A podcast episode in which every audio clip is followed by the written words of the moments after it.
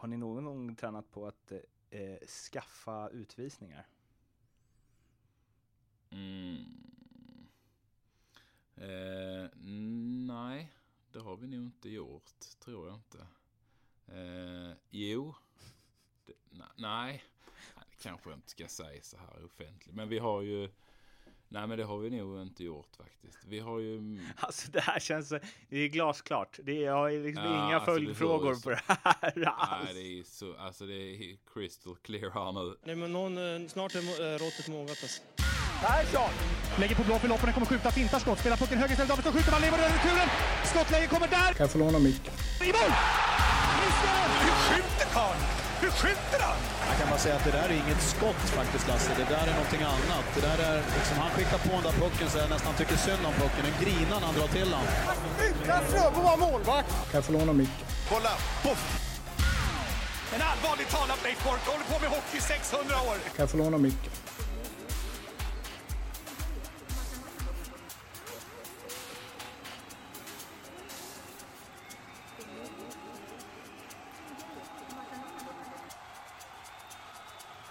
SHL-podden är här igen från Nordic Bet. Och förra gången så sa jag, som heter Mårten Bergman, att det var avsnitt nummer sex. Det var det inte, det var avsnitt nummer fem och den som inte rättade mig, André Brändheden, han är med igen. Hej! Tjena, tjena. Hur står det till? Det står bra till. Eh, själv då? Ja, och vi har ju en 45 minuters teknisk genomgång Ja. i ryggen när vi går in i det här eh, programmet. Eh, nästa gång ska Är det, någon, är det någon som vill veta hur man gör ljudinställningar på en PC så eh, be bara om Andreas nummer så löser han det. Ja, och det går inte snabbt heller kan jag säga. Eh, var är kontrollpanelen? Alltså, det är verkligen sån, eh, eh, lite sån hantverkarstuk, bara fakturerar för fyra timmar. Bara, men du har ju inte gjort något. Nej, nej, nej, nej, men jag har snurrat på rattarna. Du hade varit eh, extremt duktig eh, under liksom så här int- internetboomen där Ja, när ja. folk gjorde grejer som ingen visste vad de gjorde så tog de jättemycket betalt. ja, precis. Nej, hade du kunnat jag, casha in ordentligt. till nästa gång ska jag inte ha ändrat någonting. Nej. Ja. Det är lite, det är lite nyckeln. Mm, mm, Hör och lär precis, folk. precis. Vi ska prata om eh, tre, fyra ish grejer idag. Det blir inte så kopplat till matcherna som har varit i veckan utan eh, lite vad som har skrivits och lite egna funderingar vi har. Vi ska börja med att prata om att Frölunda stänger av sina spelare, sina juniorer för att de nobbar eh, spel i A-laget. Och när jag läste det här så tänkte jag, varför gör de det här? Och jo, det är så enkelt att om de spelar en professionell, en match i en professionell liga så får de inte spela collegehockey eh, på andra sidan eh, pölen. Och de det handlar om är alltså Kalle Enberg, Arvid Aronsson och Jakob Olbing. Och eh, om jag har förstått det där rätt så liksom jag vet inte om det var att de skulle vara istället för Rasmus Dahlin, för i sådana fall är det ändå jackpot av, eh, för Frölundas del. Eller om det bara var liksom i ett senare läge att de ville försöka flytta upp eh, fler juniorer på grund av backkris och så vidare. Eh, och det här har ju blivit en, eh, ja men en eh, såpa ändå, för det är alltså Göteborgs-Posten som skriver det här, att spelarna varken får träna eller spela för J18 eller J20-lagen eh, nu. Eller en, en får bara träna med J18-laget, de två andra spelarna får fortsätta i J20-laget. Ja, jag förstår inte riktigt vad, men det, någon form av avstängning är det i alla fall.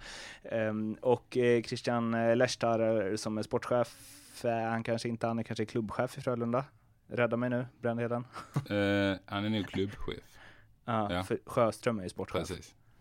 Eh, vi vill inte skrämmas eller vara aggressiva, men vi har våra riktlinjer och fattar beslut efter det. Det har blivit konsekvenser, mer vill jag inte kommentera.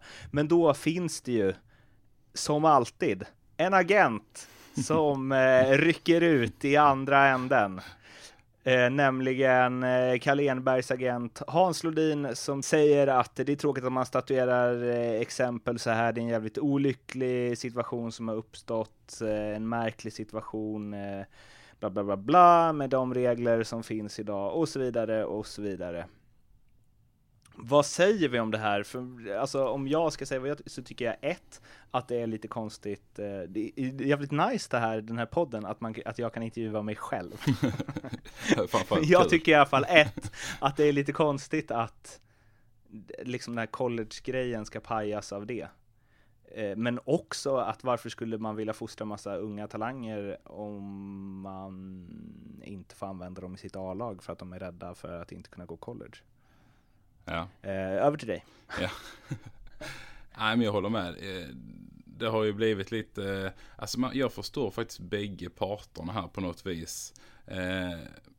Det som du säger, varför skulle man vilja fostra massa spelare om de ändå ska dra? Det, det finns ju en viss, varför man går ett hockeygymnasium, det finns ju en anledning till det. Men för, min del, eller för mångas del, så borde det ju vara att ta steget upp i, i den föreningens A-lag. Eh, har man då fått chansen att komma in i, i Frölundas fina organisation som de har eh, både historiskt sett och nu i, i dagsläget också att, eh, att man har fått, fått ta del av den organisationen. Då borde ju drömmen vara liksom att ta steget upp eh, och inte eh, kanske åka iväg och spela collegehockey.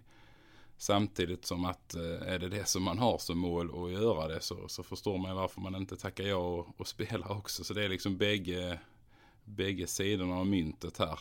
Eh, sen tycker jag Frölunda agerar på ett bra sätt faktiskt. Jag tycker de är ganska tydliga och ärliga med, med hur de bedriver sin organisation och verksamhet. Och eh, det är väl egentligen kanske redan i, i rekryteringen eller i anslutningen till hockeygymnasiet som man kanske ska fundera på där. Om, om har det funnits sådana tankar att man ska gå collegehockey redan där så, så eh, kanske den platsen skulle gå till någon annan som, som mer än gärna vill, vill liksom spela i Frölundas A-lag. Så att eh, det är en jättesvår situation de har hamnat i där. Det blir också, om man ska ta spelarnas partier så är det så här, aha, ska vi liksom göra två byten i SHL och sen så kommer vi ändå inte bli SHL-spelare eller få chansen utan behöver byta klubb och liksom lira för eh, o- oklar eh, klubb eh, i någon lägre division eh, och kämpa på där liksom. Ja. Att de bränner den chansen för, för alltså att man säger nej, jag eh, jag kanske hellre vill gå college och göra det äventyret än att eh, kriga på i Borås finns väl inte längre, men om de hade funnits. Eh, eller ännu längre ner, liksom. Ja, nej, men- Valbo. Valbo.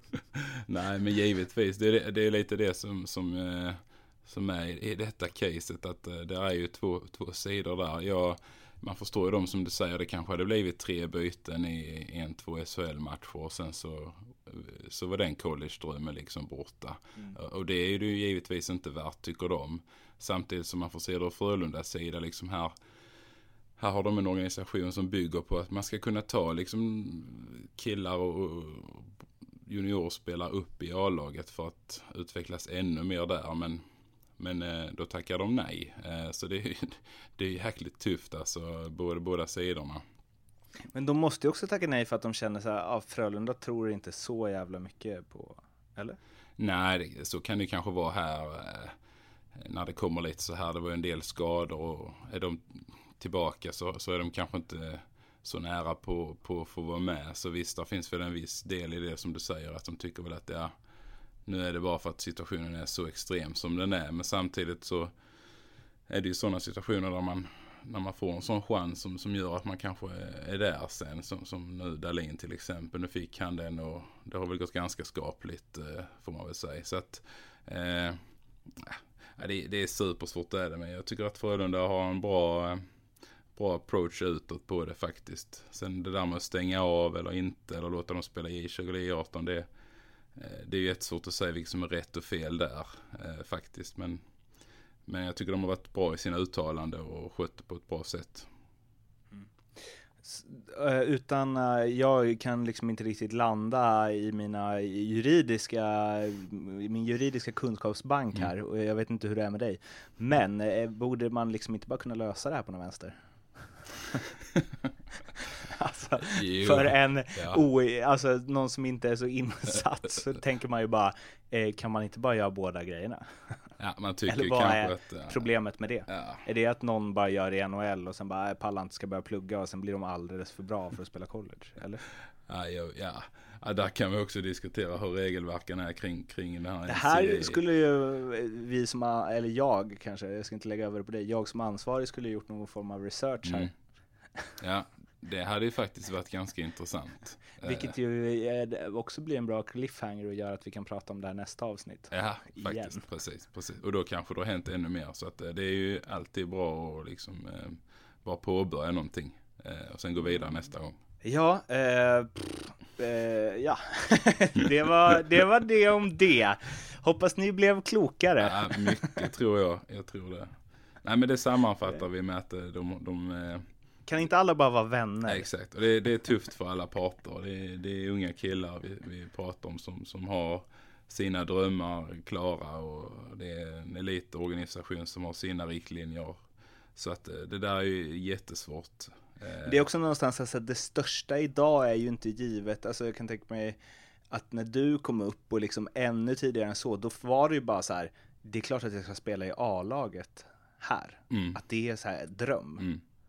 Att spela i elitserien eller SHL. Den, Alltså- Det har ju förändrats som du säger lite. Alltså det, det, det har väl skett här med åren liksom att fler och fler åker över. Det är enklare att åka över. Det finns på något vis har den vägen Fler öppnats flighter. mer. Ja men det är typ så det är. Förr i tiden det var liksom inte alls många som åkte över då och provade att spela college. Det var ju oerhört vågat av dem. Och, eh, man visste inte så mycket om det och så vidare. Och många hade kanske inte gjort den resan med att gå därifrån vidare till NHL och bli storstjärnor. Så att det fanns liksom ingen, eh, inga exempel som man kunde eh, jämföra sig med där heller. Utan det, det var ju mycket, mycket annorlunda förr. Det, det är ju som du säger, då var det ju extremt stort att komma upp i A-laget. Och jag vet ju själv när man, när man skulle liksom på hockeygym eller man skulle söka. Det var ju typ Frölunda var ju, det, det, det var ju liksom det absolut fetaste och bästa man kunde komma till och bara få få bli intagen där hade ju varit en stor, alltså det var en stor dröm för många. Eh, Sen är man bara då där och mellanlandar lite innan college då, det, ja, det blir ju lite fel på alla Det är sätt. som att de är så jävla utstakade karriärer. Mm. Alltså, eh, det känns som att det finns många liksom eh, Brändheden där. som bara sitter och läser franska Ja. och redan har det klart. Precis. Nej, det är väl lite så. Det har ju också gått ner i åldern. Liksom där det, det scoutas längre och längre ner i årskullarna. Och det, det är liksom redan klart på, på vägen fram till, till NHL är redan eh, bestämd egentligen. Det är för lite spontanitet i allting. Utan det blir eh, du är duktig, du ska träna så här, du ska spela där, du ska göra det. Eh, du ska, nu ska du byta lag för att vi ska komma till NHL. Och det finns ju oftast ja, både föräldrar och agenter och andra som ligger på på olika vis. Så det, det är ju annorlunda idag. Det är ju mer elitsatsning tidigare än vad det har varit förr skulle jag vilja säga. Bara sen man själv var yngre i alla fall. Ja, vi, vi- fortsättning följer. Lycka till grabbar Mm. och eh, lycka till Frölunda och Absolut. hoppas att ni liksom eh, kommer fram till något som gynnar alla. En spelare som vet vart han eh, vill i världen och inte eh, hymlar med vad som eh, lockar honom dit är Ansi Salmela, Linköpings eh, nyförvärv, finske backen som jag tror är inne på sin femte SHL-klubb. Han säger ju så här eh, till Sportbladet. Självklart vill man försöka få en så hög lön som möjligt. Bisats. Men det är inte allt. Det hade jag missat när jag hade liksom format den här eh, det här ämnet som vi ska prata om. Så Salmela bryr sig alltså bara om pengar, det är ingången i det här då. då. Eh, och han har väl varit ganska tydlig med det förut, att han spelar där han får mest betalt och det är liksom inte, det är inte där kysser, det, Kalle Riddervall, se och lär, här kysser vi inte många klubbmärken inte. Eh, Kalle i och för sig, han kanske också gick till Djurgården för pengarna nu när jag tänker efter. Men skitsamma. Eh, att han liksom är, självklart vill man försöka få så hög lön som möjligt. Det är inte första gången han säger en sån här grej. Att när de frågar varför han liksom byter från ena klubben till den andra, att han bara, "Ja, men en bättre pröjs. Och att han väljer att spela för liksom något kinesiskt KL-lag säger väl en del. Vad, vad tycker vi om det här? Att han bara, cash is king och eh, eh så är det. Alltså det är ju... Han är ju en av få som står för det och, och är ärlig med det. Det får man ju ge han. Eh, det är ju ganska vanligt att man liksom inte vill erkänna den biten. Utan det finns alltid någon annan anledning till det. Eh, antingen att eh, de hade en fin strandpromenad i den stan. Eller det var bra fik på hörnan. Men eh, han är ju ganska ärlig och, och liksom beskriver varför han har valt att och, eh, signa det här kontraktet eh, faktiskt. Så att, ja det är väl, eh, det är väl som det är.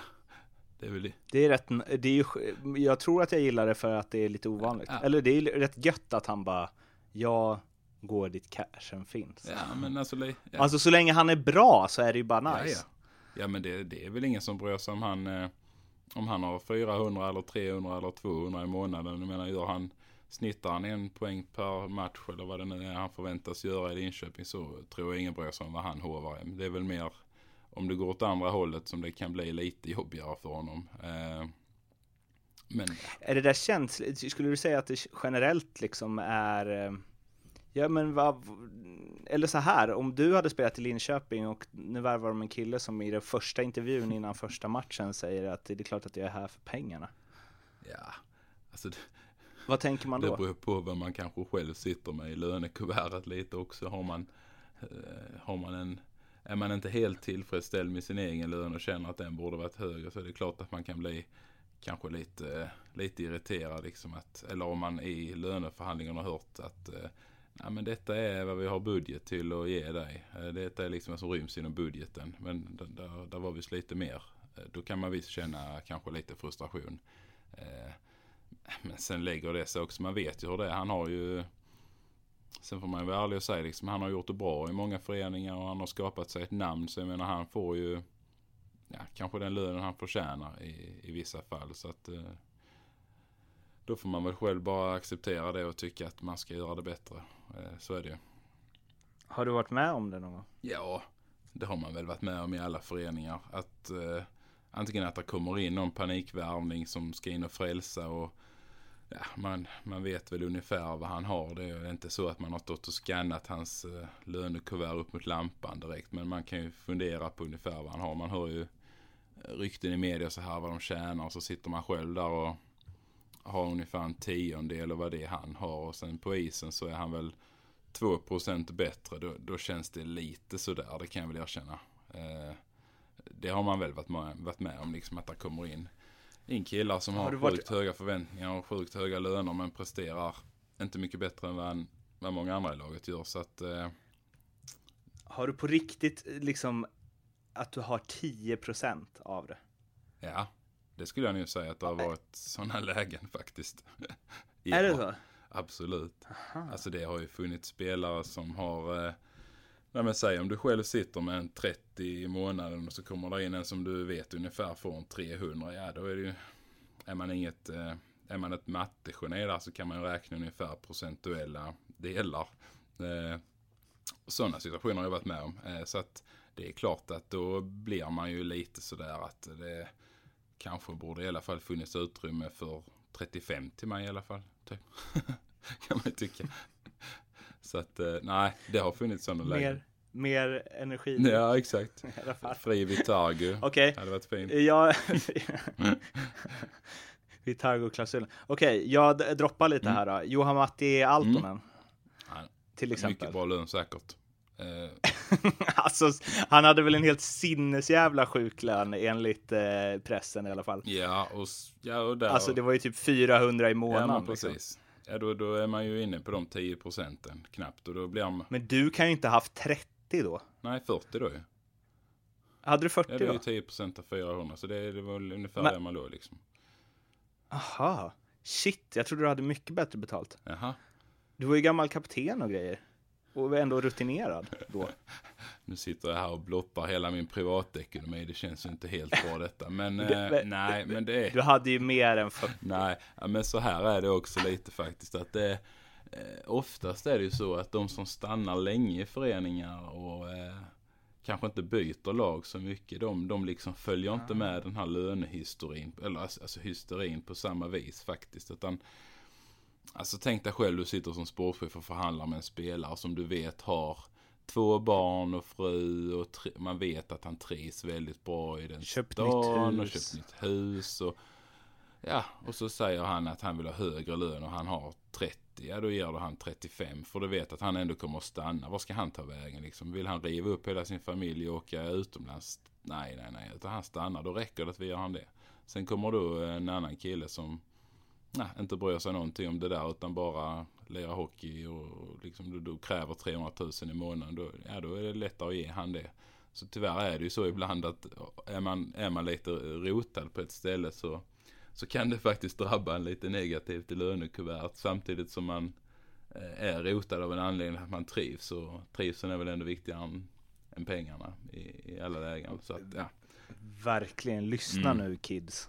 Faktiskt är det så. Men eh, absolut. Eh, Vad tror vi Kristoffer Liljevall har då? Är han uppe på 65 Ja. eller? jo, men det, Knappt. det, det har ju indexerats uppåt också lönerna. Men nej, men det är klart att. Eh, Men han hade ju liksom, hade han gått till eh, Redhawks, då hade vi ju snackat Ja men det är ju annat. det jag menar lite. Alltså byta, är man villig att byta klubb och, och flytta och liksom röra sig lite som, eh, som Salmen är inne på. Han är ju runt lite, liksom Färjestad, det är Brynäs och det, det, det flyttas en hel del och då, då är det ju lättare att, att signa nya kontrakt och jämför man vad, har man väl börjat den där liksom att man, man flyttar till ett ställe och du får lite högre där, ja då har man ju ett bättre utgångsläge inför nästa flytt och så rullar det liksom bara på. Så att eh, sitter du kvar i samma förening så ja, du, du blir kanske mer uppskattad av supportrar och så vidare. Men du, du får inte lika... Det betalar ingen hyra. Nej, det gör de inte. Det gör de ju inte. Men äh, pengar är inte allt. Pengar är inte allt måtten, så är det bara. Ja, vi kör på här då. Eh, Okej, vem tror du, som du spelat med har tjänat mest? Alltså det finns ju några, den, din sista säsong i Rögle där, där har vi alltså, Altonen i Gulden, Barta, Ja, eh, pr- pr- Preasing, Praising, Varg. Pressing, eh, Varg, Lintner, Gerber. 12 matcher, Gerber, Lasse Kokkonen. Ja, du hör ju själv. eller hur? Var, var liksom... Martin eh, Strback. det var väl inte så konstigt att man inte hade så jättehög lön. när du rabblar upp dessa namn. Men det är liksom, det är 300 allihopa i princip ju. Eh, så att det var ju en sinnessjuk, det måste varit en extremt hög budget där. Alltså lönekostnaderna för föreningen måste varit skyhöga den säsongen. För där kan man tycka att Ted Brithén kommer femma i poängligan. Eh, bakom liksom eh, Barta och i Gulden som bara gör 6 och 8 Mm. poäng mer. Han måste ju känt att, Mm. vad är det här? Ja. Varför har de så bra betalt och inte jag? Även om han var typ nyfödd då, men ändå. Ja, alltså jag vet inte om man tänker på det så heller. Det är klart att eh, när det skrivs mycket om det i media och sånt att man läser, ibland kan man tänka, ja men det är, det är inte helt okej att han har den lönen, men alltså, ja. Har man då lite landskamper på meritlistan och spelat i, i bra föreningar och gjort det bra några år tidigare så kan man leva lite på de meriterna vad gäller löneförhandlingar ett tag framåt. Så det är klart, jag tror inte en sån som Ted har varit så irriterad. Eh, det kanske var mer ja, det kanske fanns andra som tyckte att liksom det, var, det var värre. Men eh, det är oftast de som har mycket vill ha mer. Så att det, är väl nästan däremellan dem. Det är mer en intern kamp liksom. Vem som tjänar du 300 och jag 310. Det är för jävligt. Typ så. Så att eh, ja. Eller nej, det blev ju tvärtom förresten. Då var det ju bra för han som sa det. Nej, jag menar, jag menar tvärtom. Och vilken spelare som du spelat med tror du har så här haft mest betalt kontra hur bra du tyckte att han var? Den är ju skön. Ja, det, det, alltså det vet man ju inte heller. Det är, det är ju som på alla arbetsplatser. Man pratar inte om exakt vad man har i lön. Så är det liksom. Det är en oskriven regel. Men, men uh, det var ju en kille som hette Robert Kantor. Tror han hette. Ja, Mm. han var med då också något år innan den här uh, superlaget. Uh, Han kom in ganska sent och han var ganska han var också ganska ärlig med att han tjänade sjukt mycket och de plockade ju in han lite som en frälsande back. Eh, Mm. Och han var ju oerhört medioker. Milt uttryckt.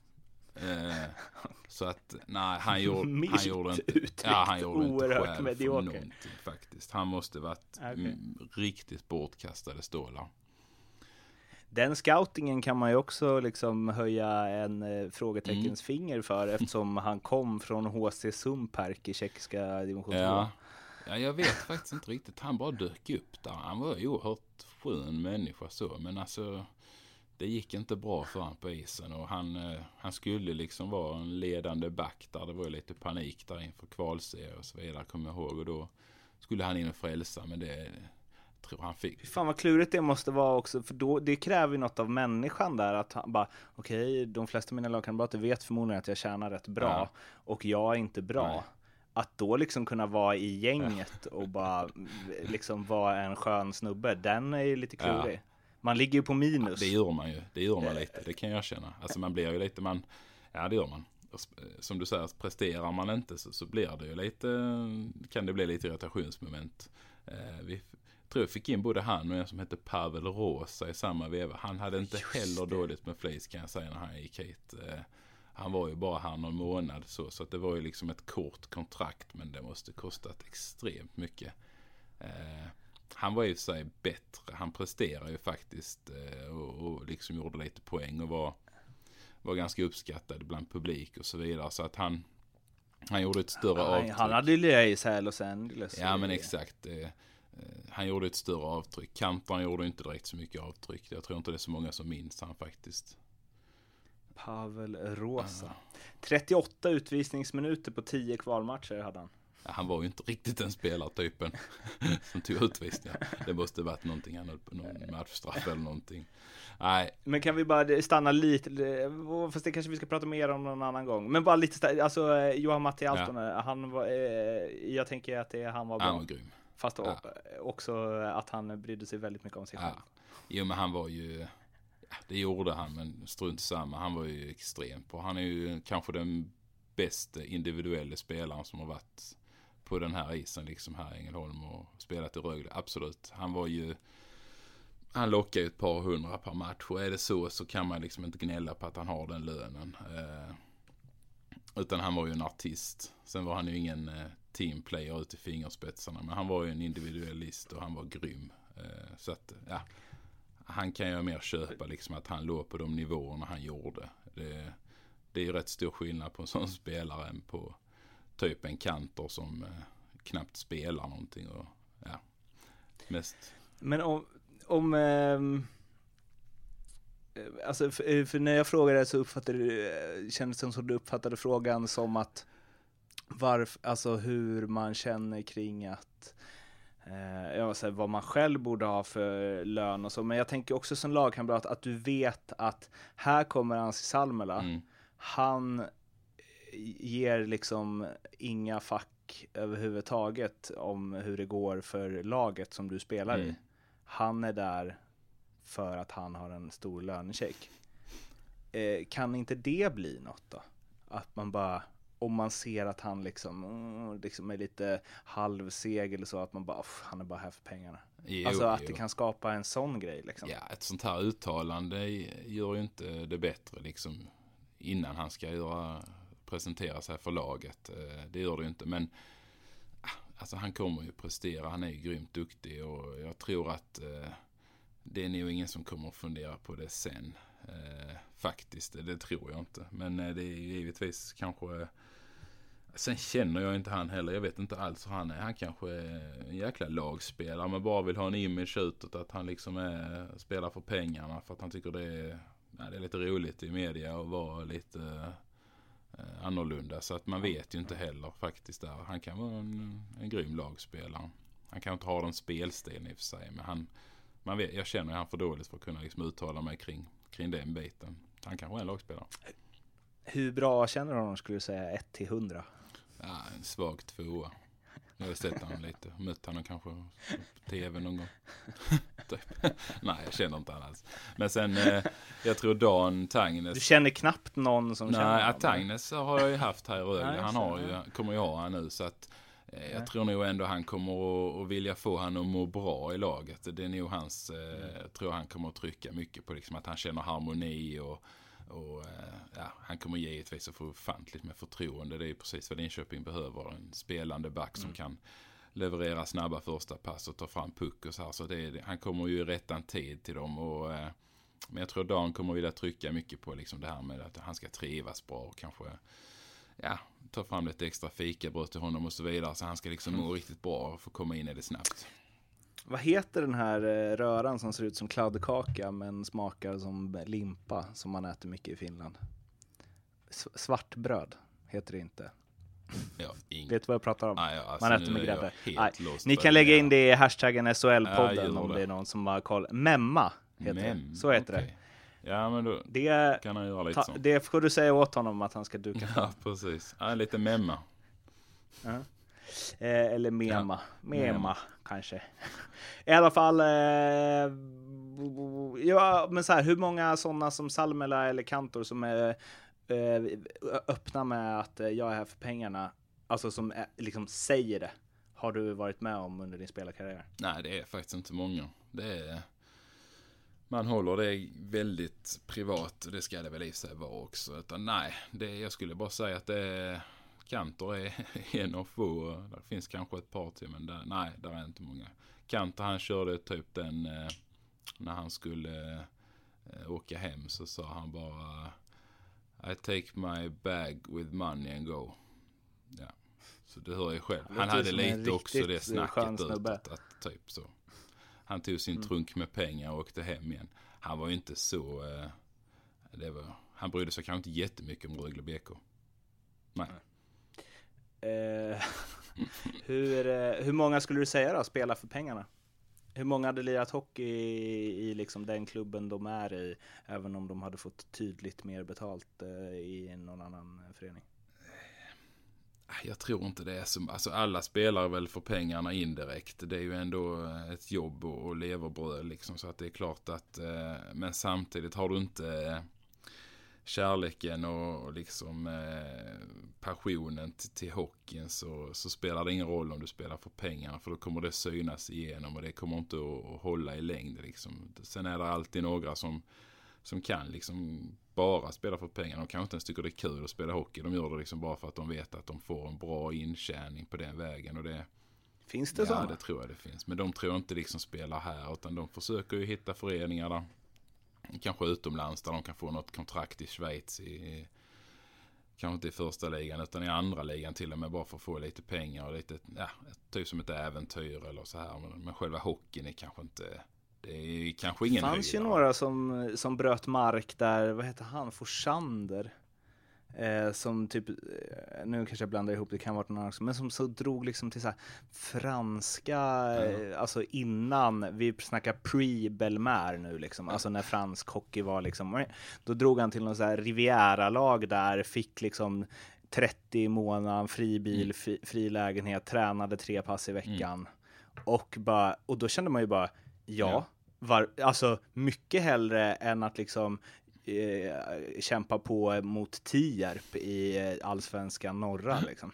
Ja men absolut. Nej men det är ju en helt, då får du en helt annan upplevelse utanför hockey med. Alltså med nytt land och Strand. finare miljöer. Ja, än vad det är i Tibro kanske, jag vet inte. Men eh, nej men det är ju det är som du är inne på. Det är många som gör den vägen och åker utomlands. Dels för äventyret och, och komma iväg men eh, de får kanske lite en extra slant där än vad de hade fått här i kanske division 1 norra eller någon, någon serie som inte är så högavlönad direkt. Så att det är klart att det finns sådana. Men sen är det ju alltid sådana som, som ligger med, med betydligt högre löner som är duktiga. Som kanske inte egentligen känner att ah, hockey är inte världens roligaste just nu. Men krigar jag på ett par år till så kan jag nog, så, så ser det väldigt bra ut på mitt konto när, när karriären är över. Så att det finns ju sådana också. Men eh, sluttampen blir nog ändå att eh, man måste ha liksom glö- glöden annars så blir det jobbigt i längden.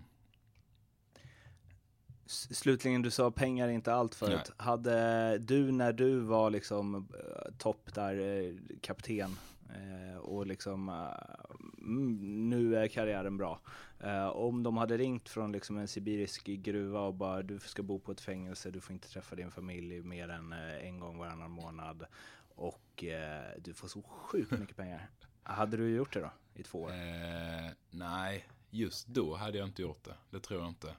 Eh, men eh, det har nog funnits tillfällen liksom i karriären där man eh, hade tackat ja till ett sånt erbjudande, det tror jag. Är inte det när det har gått lite Jo, sämre? Precis. Ja. Det är då man inte får de erbjudandena. Oftast är det så. De är oftast inte lika lukrativa då, nej, det stämmer. det- Utan de brukar vara lite sämre. Där är det, det finns liksom ingen synk Nej, svår, mellan lust och eh, utbud. Nej, det är svårt Nej, det får de faktiskt. jobba på hockeyvärlden. Nej, men det är ju, ja, nej, jag hade nog kunnat tacka ja till någonting, men, men pengar är inte allt som jag sa tidigare. Och, ja, leva där med, med barnen på andra sidan, eh, det, det är nog tufft. Alltså, det, det krävs faktiskt eh, väldigt mycket av en, både av en själv och familjen för att man ska palla med det, det tror jag. Känner att vi har rubriken på avsnittet. Pengar är inte allt. Ja, faktiskt. Och det är väl en fin rubrik, eller? Verkligen. Eh, tycker ni att eh, den här podden är bra och vill eh, stå med för ett bidrag så Så kan ni swisha Brännheden på eh, 07. Nej. Eh, ämne tre. Ja. Poängkung tack vare sina klubbor var rubriken i Sportbladet. Det handlar om Brock Little som eh, öser in poäng och toppar SHLs poängliga. Han har ju varit där uppe i toppen eh, ett par år. Och eh, det här förklaras det med att ja, Linköpings tränare Claes Östman säger de här konstnärerna har lite grejer för sig, vi försöker att inte störa honom i det och Linköpings materialförvaltare Uffe Söderström, det är den gamla spelaren va? Jajamän. Eh, säger Brock är extremt noggrann. Han mäter klubborna med tumstock och grejer. När bladet är plant mot marken ska klubban vara en viss längd. Eh, han berättar också att Little kan byta klubba 7-8 gånger på en träning. Jag är helt galen, men eftersom det har gått bra i de här matcherna har jag en klubba som jag inte rör förrän matchen börjar. Jag har andra klubbor på träningarna, säger Little. Hur länge har du varit så här noggrann med klubborna? Jag har hållit på sedan college. Är en klubba så här mycket längre än en annan kan jag känna skillnaden, säger Little och visar några millimeter mellan tummen och pekfingret. Jag har problem, men vad som än funkar, säger han och skrattar. Jag tänkte ju direkt på eh, förra podcasten som ni hittar på Acast eller iTunes. Där du snackar om eh, din gamla lagkamrat och nyblivne landslagsmannen eh, Alexander Bergström. Som du sa ritade mycket bågar och det, tejpen skulle vara här och där och hej och hå. Det här känns ju kanske som en nivå till. Mm. Men det här som beskrivs här och kanske inte fullt så eh, liksom maniskt. Men eh, hur eh, vanligt är det? Ja, jag tror faktiskt det är rätt så vanligt. Faktiskt. Eh, Alla har ju, jag skulle säga att de flesta spelarna har ju någonting eh, för sig. Sen om det är klubban eller det är eh, någon annan del på utrustningen som de har speciella grejer med så, så är det så. Men de, de, man har någonting så är det bara faktiskt, det tror jag. Eh, Sen finns det oerhört få som inte bryr sig ett skit om någonting. Alltså de kan ju köra med, med sliten tejp på, på bladet liksom i fyra, fem träningar i rad och nästan folk blir irriterade på dem att de måste tejpa om. Men de bryr sig inte. Men de är så extremt få. Det, det tror jag faktiskt eh, inte är så många där ute. Men eh, det är ju väldigt vanligt att folk eller spelare har en massa grejer för sig. Va, eh, hur mycket brydde du dig om dina klubbor? Ja, klubborna brydde jag mig faktiskt om en del. Alltså det är lite som en eh, ja, plåtslagare och hans verktyg eller vad man nu ska säga. Någon som skapar liksom. Det blir ju ens, ens eh, Trollspö. Ja, precis. Nej men det blir ju faktiskt det göra. Alltså många bryr sig om sina klubbor. Man vill ju ändå ha man har ju spelat så pass länge och vet hur klubban ska vara eh, med tejpningar och man har väl liksom bestämt sina vinklar och eh, styvhet på klubborna. Om det ska vara grepp eller inte grepp. Om den ska vara rund eller den ska vara fyrkantig. Och sen har man väl alltid kört med samma. Ska det vara vit tejp eller svart tejp på klubban. Och alltså det där har man ju oftast. Eh, man är så... Vad var din grej då? Min grej är jag körde bara ja, lite filning där uppe och sen eh, vit tejp på bladet. Det var ungefär det som var min grej. Eh, inte så extremt. Känns inte det som en rightare med bra skott? Vit tejp på bladet. Jo, lite så var det. Eh, sen sa någon till mig, ta svart istället för då ser de inte pucken. Men det gjorde inte jag heller. Så då blev det vit igen. det var lite så. Men, eh, Nej, men jag körde inte så mycket. Jag höll, dåligt inte, tips, alltså. ja, jag höll inte på mycket med mina klubbar jämfört med, med många andra. Men, men visst, man vill att klubbarna ska vara i, i skick liksom till match. Det är väl inte så konstigt. Jag menar, det är ju det står mycket på spel och eh, det ska ju se bra ut liksom. Så är det. Vem är, alltså du nämnde Bergström sist, finns det några andra så spelare som har varit extremt nördiga med något eh, med sin utrustning liksom?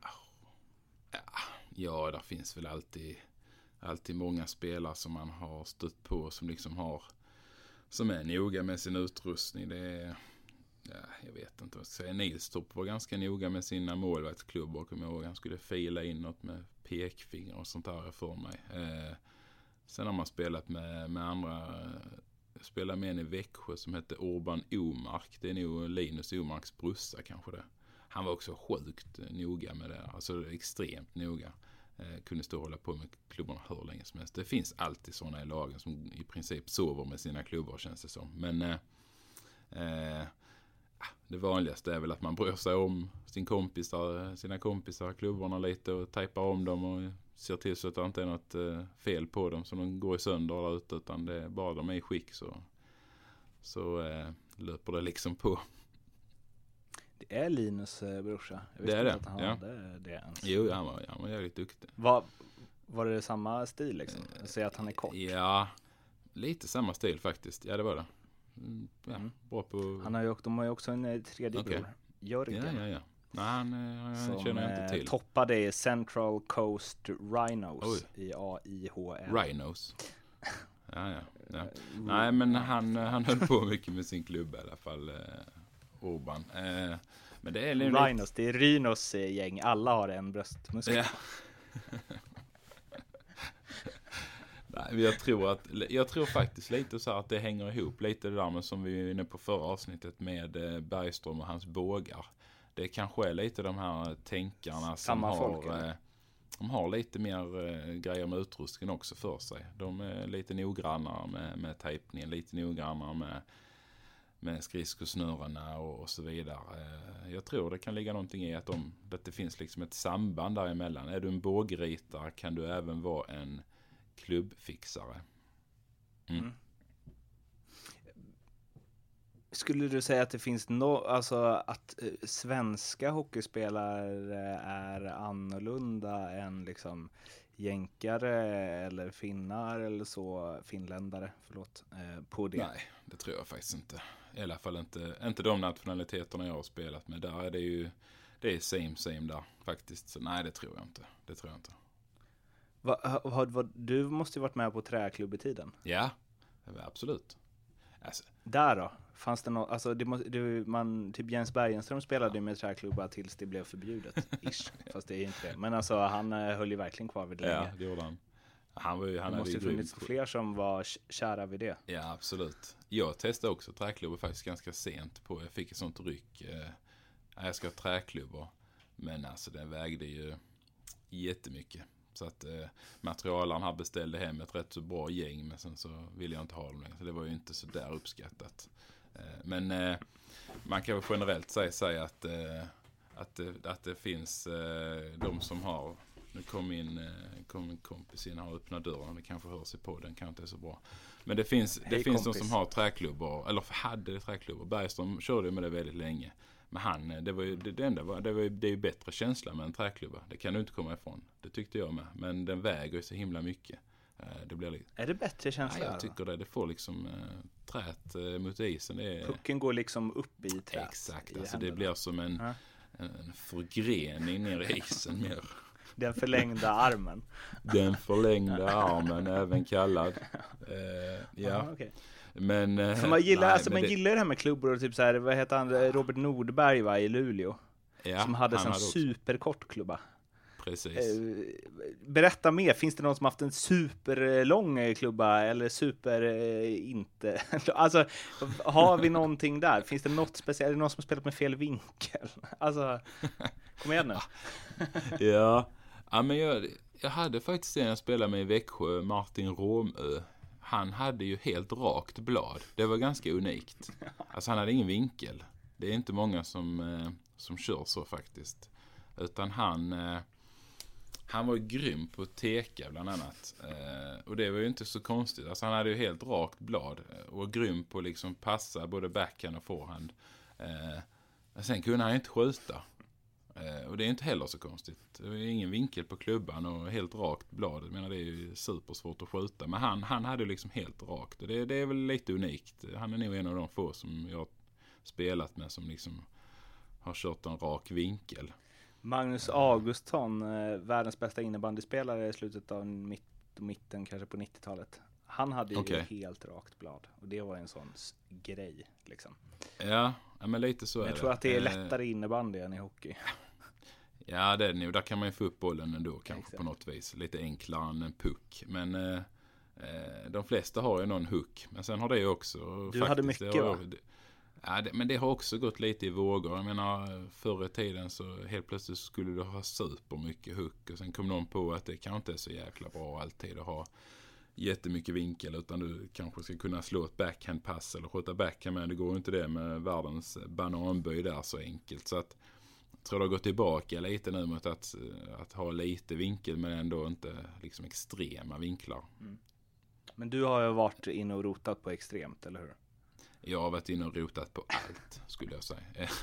Jag har gått, eh, ja det har Varvet varit, runt. eh, ja, open vinkel, alltså där är lite vinklad uppåt eh, och så avsågat där fram så man skulle kunna ta pucken lättare mot sargen. Det hände ju ändå tre gånger per säsong att man tog en puck i runden så det är klart man skulle forma klubborna efter det. Eh, sen spelar man då med någon typ Abbott-bröderna. Ja, då hade han rätt så rak vinkel, Chris, där. Då tyckte jag det verkade fräckt. Att det gick bra där. för honom. Gick ju bra för honom ju. Han var jätteduktig. Skulle jag också byta? Nej, nej, nej, ingen bra grej. Ja, sen har man ju provat eh, liksom jättevinkel och nej. Så man har nu testat runt och så har det alltid slutat med att man kommer tillbaka till liksom den gamla bettan rent, eh, liksom den man har haft från juniortiden uppåt ungefär. Så att eh, sen kände jag att nej, jag kan inte hålla på och experimentera om jag får ta den annars blir det ju ramaskri på materialen här. En tanke nu så här, det hade varit roligt om alla, alltså om man körde en eh, en omgång i SHL. eh, De är ju liksom, de går ju i NHLs fotspår här så det måste ju, det, kanske, det här skulle kunna kanske komma in i NHL. Men så här plojgrej, om alla spelade med fel fattning Ja, en omgång. ja det här varit kul.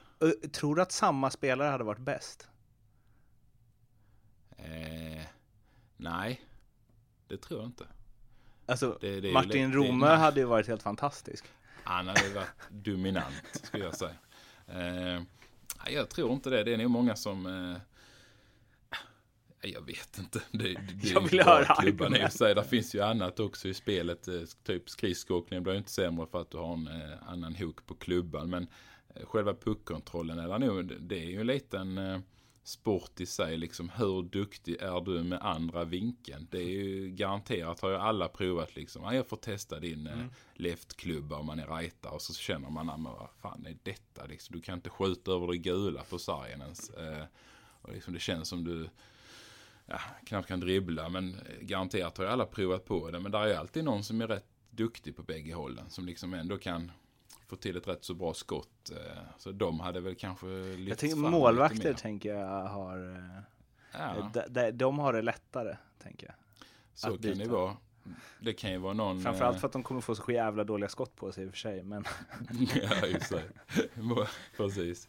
Ja, men där kan ju vara någon som kanske har haft, eh, varit rightare egentligen. Alltså eh, hela uppväxten och sen, eller tvärtom egentligen brukar det ju vara. Men när man blir leftare, när de är små barn går de med leftarklubba så tycker då pappan att "Nej, Ska du få chansen i PP så ska du bli rightare. Då får du det mycket bättre än om du är leftare. Så ger man han en rightklubba i, i, vid liksom lite äldre upp i åldrarna och helt plötsligt blir han rightare. Då kanske han har lite leftare i sig egentligen. Så då har han ju liksom bägge hållen.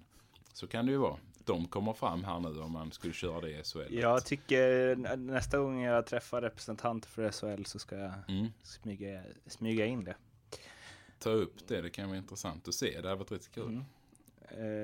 Ja, det hade skapat hype på, ja, fan, Mm. vi har något här. Vi får någon form av copyright så att det, trillar in procent på biljettintäkterna. Ja, ja, ja. Vi ska prata om skridskor också, men det ska vi göra en annan gång. Eh, sista punkten eh, är eh, importspelarna värsta diving-syndarna. Och baseras på, vi har ju nu, det är snart en tradition det här. Förra gången var det Jonathan Lindqvists Viasat Eh, NHL-blogg på Viasat som vi pratade om. Och nu är det Mr Madhawk, Johan Svensson på Kvällsposten, som har skrivit ett inlägg eh, idag som handlar om diving och det låter så här. Idag delade SHL ut sitt tionde straff för diving sedan det infördes förra säsongen. Den tidigare Sportbladet-journalisten Patrik Kippler skickade ut en fråga om hans känsla att de flesta divingstraffen är på importspelare. Någon som vet om det stämmer, skrev Kippler. Jodå, den känslan stämmer. Av tio straff som delas ut har åtta importspelare straffats. Bara Oskar Sten och Per Albrandt är svenska spelare. Albrandt var ju nyligen, det pratade vi om i Fimpen, eh, när Fimpen sidekickade. Det spelar det någon roll vilken nationalitet de har som gör detta? Nej, givetvis inte. Kanske är det SHL som bara måste vara extra tydliga att man åker på straff om man spelar teater. Här har man bland annat tagit in Cam Abbott för att vara extra tydlig till importspelarna. Och här är ju de tio straffen då sen eh, 0, den 22 september 2015. Timo Laine, Julius Hudacek, Julius Hudacek igen. Det var bara fem dagar mellan de två. Så han fick ju dubbelt andra gången. Oskar Sten, Färjestad, Taylor Mattsson, Mattias From, Antti Tyrväinen, Mark Zanetti, Per Albrandt och nu senast då, idag Jeff eh, Platt som eh, i Växjö som åkte på det. Och eh, då kan vi ju också dra eh, slutsatsen här att det är två spelare från HV, två från Färjestad, två från Örebro, två från Rögle. Så det finns ändå någon form av liksom Vissa klubbar värvar filmare mer än andra. Nej, kanske lite för litet underlag för att dra den eh, slutsatsen. Men Eh, jag och Fimpen har pratat länge om det här som sagt, men diving, vad, hur, hur ställer du dig till det? Nej. Nej, men det är väl ingenting som ska finnas på, på hockeybanan, utan det ska väl... Eh, eh blir man eh, fälld eller eh, nerslagen höll jag på sig så, så, så blir man det. Det är inget man behöver förstärka eller eh, påverka domarnas beslut på, utan det det tillhör väl lite av den här fair play-andan som ska liksom eh, gälla där ute och respekten för andra. Så att eh, jag är väl ingen eh, fan av diving, det är jag inte. Har du eh, divat själv? nej. Nej, aldrig? Inte. Har du aldrig nej, någon tror... gång bara känt, där hade jag nog kunnat stått? Nej, jag tror faktiskt inte det. Jag tror mer att, att jag var lite åt andra hållet, typ så här. Oh, där skulle jag slängt mig. Det hade ju varit straff. Ja men typ så. Eller, ah, Ryan Giggs. Ja men lite. Nej men jag, jag tror faktiskt att jag var mer så att jag tänkte efterhand att ah, hade jag bara gjort lite så hade vi fått PP där. För varför ska jag liksom kriga på bara för att jag ska vara stor brunkare där i sargen. Utan det hade varit bättre att bara vekit ner mig. Men... Hela din så här supertalang-aura och liksom eh, att, eh, ja men att du så här eh, hade, hade mycket bra hockeygener. Det känns ju så kompatibelt med att också så här vara, tycka att det är fine att lägga sig. Tycker jag. Alltså, alltså jag tänker att du var en stor version av Per Albrandt liksom, fast du sköt istället Jaha, för att passa. Nej, alltså jag var ju lite du lite kanske större var, än. Ja, du kanske var också. för stor för det. Ja, jag tror det. Alltså jag tänkte själv en liten sån tripping. Alltså 1,90 101 kilo, 107 i Växjö. Du vet, det ser inte grant ut om man faller, liksom bara ramlar ihop. Det går inte. Nej, det hade, det hade varit mer pinsamt. Du, att, du sa ju också förra avsnittet att du var dålig på att blocka skott. Du kanske bara var så dålig ja. på att slänga dig i största allmänhet. Liksom. Ja, jag, ja, det ligger någonting faktiskt i det. Eh, framförallt var jag jäkligt dålig på att ta mig upp. Det tror jag mer är det det handlar om. Så om du inte, om du inte fick utvisning med dig, då var det snarare liksom fem mot fyra åt andra hållet istället. Ja, precis. ja, men lite så var det nu. Nej, men jag, nej, men jag har inte hållit på med sånt. Men det, det, det är där med att det finns flera från varje lag. Det är nog lite mer slumpen tror jag. Det- Faktiskt eh, också. Det där kan ju vara lite... Utom i just Rögle-fallet då eller? Ja, exakt. Nej, där är det väl också. Nej, men det, det är ju... Att Julius Hudacek har två inom en vecka, Ja, det du- tycker jag ändå är nice. Den är faktiskt lite speciell. Det är lite roligt. Eh, där får man en och sen så typ två omgångar senare så får man en till. Det måste känts sådär. Eh, så att där, där, där har han ju fått sig en liten tankeställare där. Sen varför det bara är import, jag vet inte om det är bara är liksom en coincidence. Finns det inte också som något roligt att de har tagit in Cam Abbott Jo. för att han ska påpeka att eh, ni kan inte falla så lätt? För att rätta mig om jag har fel, men Abbott-bröderna är väl två av dem som generellt anses ja, snubbla över klubbor som kanske inte riktigt finns. Ja, eh, Ja, jag vet Nej, att det är tidigare Nej, lagkamrater och så. Du har ju inte, du har ju inte helt fel Nej. där faktiskt. De, eh, de kunde väl eh, förstärka situationerna rätt så eh, rejält bägge två. Så det är som du säger, men oftast är det lite så. Jag menar, se bara nu ska ju till exempel Wessner bli dummare. Alltså det är lite så Va? man kan tänka motsatserna ibland. Det liksom dras eh, magneterna Skämtar plus minus. Helt plötsligt så är de där. Så att nej, det, det är intressant att han är där, Cam. Men vadå, ska Westner bli domare? Ja, det tror jag. Han har väl eh, inlett någon typ av eh, startskott här nu för att börja. För en helt ny typ av hockey. Ja, ja, nej, men jag vet inte. Jag läste det någonstans att han eh, har väl börjat gå lite matcher så här på linjen eller vad det nu var. Jag är inte helt säker här nu i det jag säger. Men jag fick för mig att han skulle börja, börja gå lite utbildning. Jag håller ju kanske- alla tummar jag har för att du har rätt. Ja, nej, men det tror jag att jag har. Om han inte har lagt ner det redan, om det var så kort karriär. Men jag fick för mig att han skulle börja och ja, att han, och det är ju Han var inte överens där- där med har- läraren. Nej, men där, där är ju extremt. Liksom. Där är ju också ett sånt fall. Där, eh, där kanske man inte kan tänka sig eh, Daniel som en hockeydomare. Men han kanske blir den bästa hockeydomaren. För att han, eh, han har ju rätt bra koll på hur, hur käbbet går där ute. Ehm, mm. Det får vi nog söka upp lite. Kolla det Mm, underlaget. Men jag tror det ligger någonting. Och nu eh, kör vi utan filter här då i den eh, Ja. sluttampen av avsnitt 6 av eh, SHL-podden. Vem är den eh, värsta filmaren du mött? Hmm. Åh, det är en bra fråga. Riktigt bra fråga. Ah. Jag kommer inte på någon nu. Det är en sån fråga jag skulle haft förberedd. Då har vi den till Det- nästa ja. avsnitt. Ja, det skulle vi kunna Ja. göra faktiskt. För jag kan liksom inte sitta och... Nej, Ja. jag kommer inte på något så här på rak arm. Men eh, det har ju alltid funnits några. Men ingen sån där... Nej, jag ska, jag Mm. Den ska värsta du spelat med då? Som har filmat. Gat. Är det så? Ja, faktiskt. Aha. För det passar ju jag väldigt bra till fråga nummer tre nämligen. Men vill du utveckla Jaha. det? Nej, jag, jag kan bara säga att det, det kunde jag väl, det, det erkänner jag. Liksom, jag spelar ju extremt mycket med han i samma kedja också. Det, det var väl inte alltid som det kändes hundraprocentigt liksom åka in och försvara han. Men eh, det gör man ju för att det är ju ändå en lagkamrat. Men ibland så tyckte man ju att ah, det där såg inte bra ut. Han var ju också ganska stor. Eh, så att ja. För fråga eh, nummer tre då, som ska wrappa ihop allt det här, är att eh, du berättade förra podden att ni fick träna på att täcka skott med just gat. Har ni någon gång tränat på att eh, skaffa utvisningar? Mm. Eh, nej, det har vi nog inte gjort, tror jag inte. Eh, jo, det, nej, kanske inte ska säga så här offentligt. Men vi har ju, nej men det har vi nog inte gjort faktiskt. Vi har ju, Alltså det här känns, det är glasklart. Det är, jag har liksom Ja, inga alltså, följdfrågor så. på det här alls. nej det är så, alltså det är crystal clear här nu. Nej, jag, nej det har vi nog inte gjort. gjort. Och sen det där med gat, jag, jag funderar. Alltså, det har ni ju visst gjort.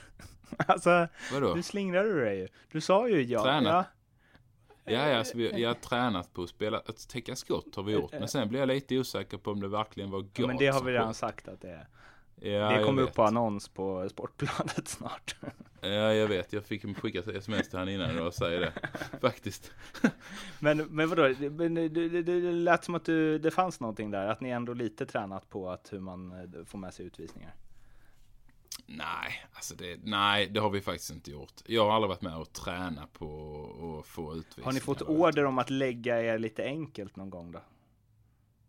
Ja, det tror jag nog de flesta tränare. Inte liksom, inte... Det är inte gatfokus inte nu, utan direkt jag menar sagt generellt. liksom så här att eh, du ska släng den nu. Utan de har väl indirekt sagt typ till oss att eh, ja, försöker fixa en ett powerplay nu på något jäkla vis. Mm. Sen får man väl själv dra slutsatser utifrån det. Är det att slänga sig eller är det att göra någonting annat. Men eh, det har väl funnits tränare som har försökt uppmana en till det. Mm. Alltså det finns ju de som, alltså det finns ju alltid. Speciellt han du hade i Växjö när du satt längst ut på bänken där och inte... För du Ja. vägrade konstant Fa- att Det var filma. nog Fagervall, Jocke Fagervall. Han hade jag då tror jag. Han, eh, Filmningstränaren Ja. framför alla andra som Ja, bänkade Brändheden för att han var en liksom ärlig spelare. Ja, är det det vi precis. säger? Nej, han bänkade mig för att jag var för tjock och för dålig. Men eh, nej, men han, eh, Jocke hade, han hade mycket grejer för sig där med också faktiskt. I, jag, fick, jag har fått order om att ta utvisning, alltså åka ut och slåss och sånt där. Det, det har jag fått eh, strikta order om att göra. Så då har man ju bara fått åka ut och hitta någon liksom. Eh, är du intresserad? För här har jag fått liksom eh, direktiv på att jag ska åka ut och bråka med dig. Du- Ja, de är ju inte skitintresserade oftast för det, de leder ju oftast matcherna och är inte så sugna på ett slagsmål. Att, Och for, har du formulerat frågan exakt så? Hej, jag har fått instruktioner om att jag ska åka ut och slåss mot dig. Är du sugen på det eller? Vi ska Nej, nämligen försöka man- vända matchen här. Ja, precis. Nej, men man åker ut typ så här och börjar putta på någon och bara vad gör du? Liksom, ja, men eh, kom igen då. Ja, det funkar inte heller. Så är man inte själv supersugen. För det är ju egentligen, det är ju ingen situation som liksom gör att du är arg. Utan det är ett direktiv du har fått från någon annan att du ska bli arg. Ja, visst. Så det är ju liksom bara att åka ut och försöka få med någon på det. Men det är inte alltid så lätt. Det blir oftast en Aldrig liten så. kramkalas och sen så ska man ut och sitta i utvisningsbåset istället och skämmas. Du, ehm, precis. Och sen boxplay mål. Ja, exakt. Bra jobb. Kul André, bra jobbat. Ja, visst. Nej, men det har funnits tillfällen då man har fått de direktiven. Det ska Men då har man, fått, Ja, man har fått beröm av tränaren efteråt i alla fall. Det har varit viktigt. Det har varit viktigt. Det ska vi prata mer om faktiskt. En annan podd. Jag antecknar det eh, nu. Direktiv eh, om eh, slagsmål och hur man hanterar Mm. det. Det är intressant. Då kommer Ja, det också det bli en lista på namn. Du, eh, vi ska börja runda av. Vi är uppe på Ja. över en timma. Ehm, Yes. En inspelning som skulle börja klockan fyra tog slut tio i sex. Det säger en del om dels vad, hur mycket vi pratat, men också eh, vad, liksom, hur avancerade de här inspelningsprogrammen till PC är nu för tiden. Ah, om ni vill eh, lyssna på oss gamla avsnitt så hittar ni dem på Acast, SHL-podden, eller på iTunes, SHL-podden där också. Vill ni snacka med oss på Twitter så är det at SHL-podden eller hashtag SHL-podden så håller vi utkik där. Vill ni nå uh, André så är det Brändheden65 och inget Yes. annat på Twitter. Nej. Mig är det Martin med TH Bergman på Twitter. Och det var väl eh, det. Var väl det. Eh, Har du något att tillägga känner du? Nej, Nej, eh, pengar är inte allt. pengar är inte allt. Vi, vi, tack för att du ville vara med även den här gången. Tack själv, tack Vi själv. hörs. Ha det Ciao. bra. Tack, hej.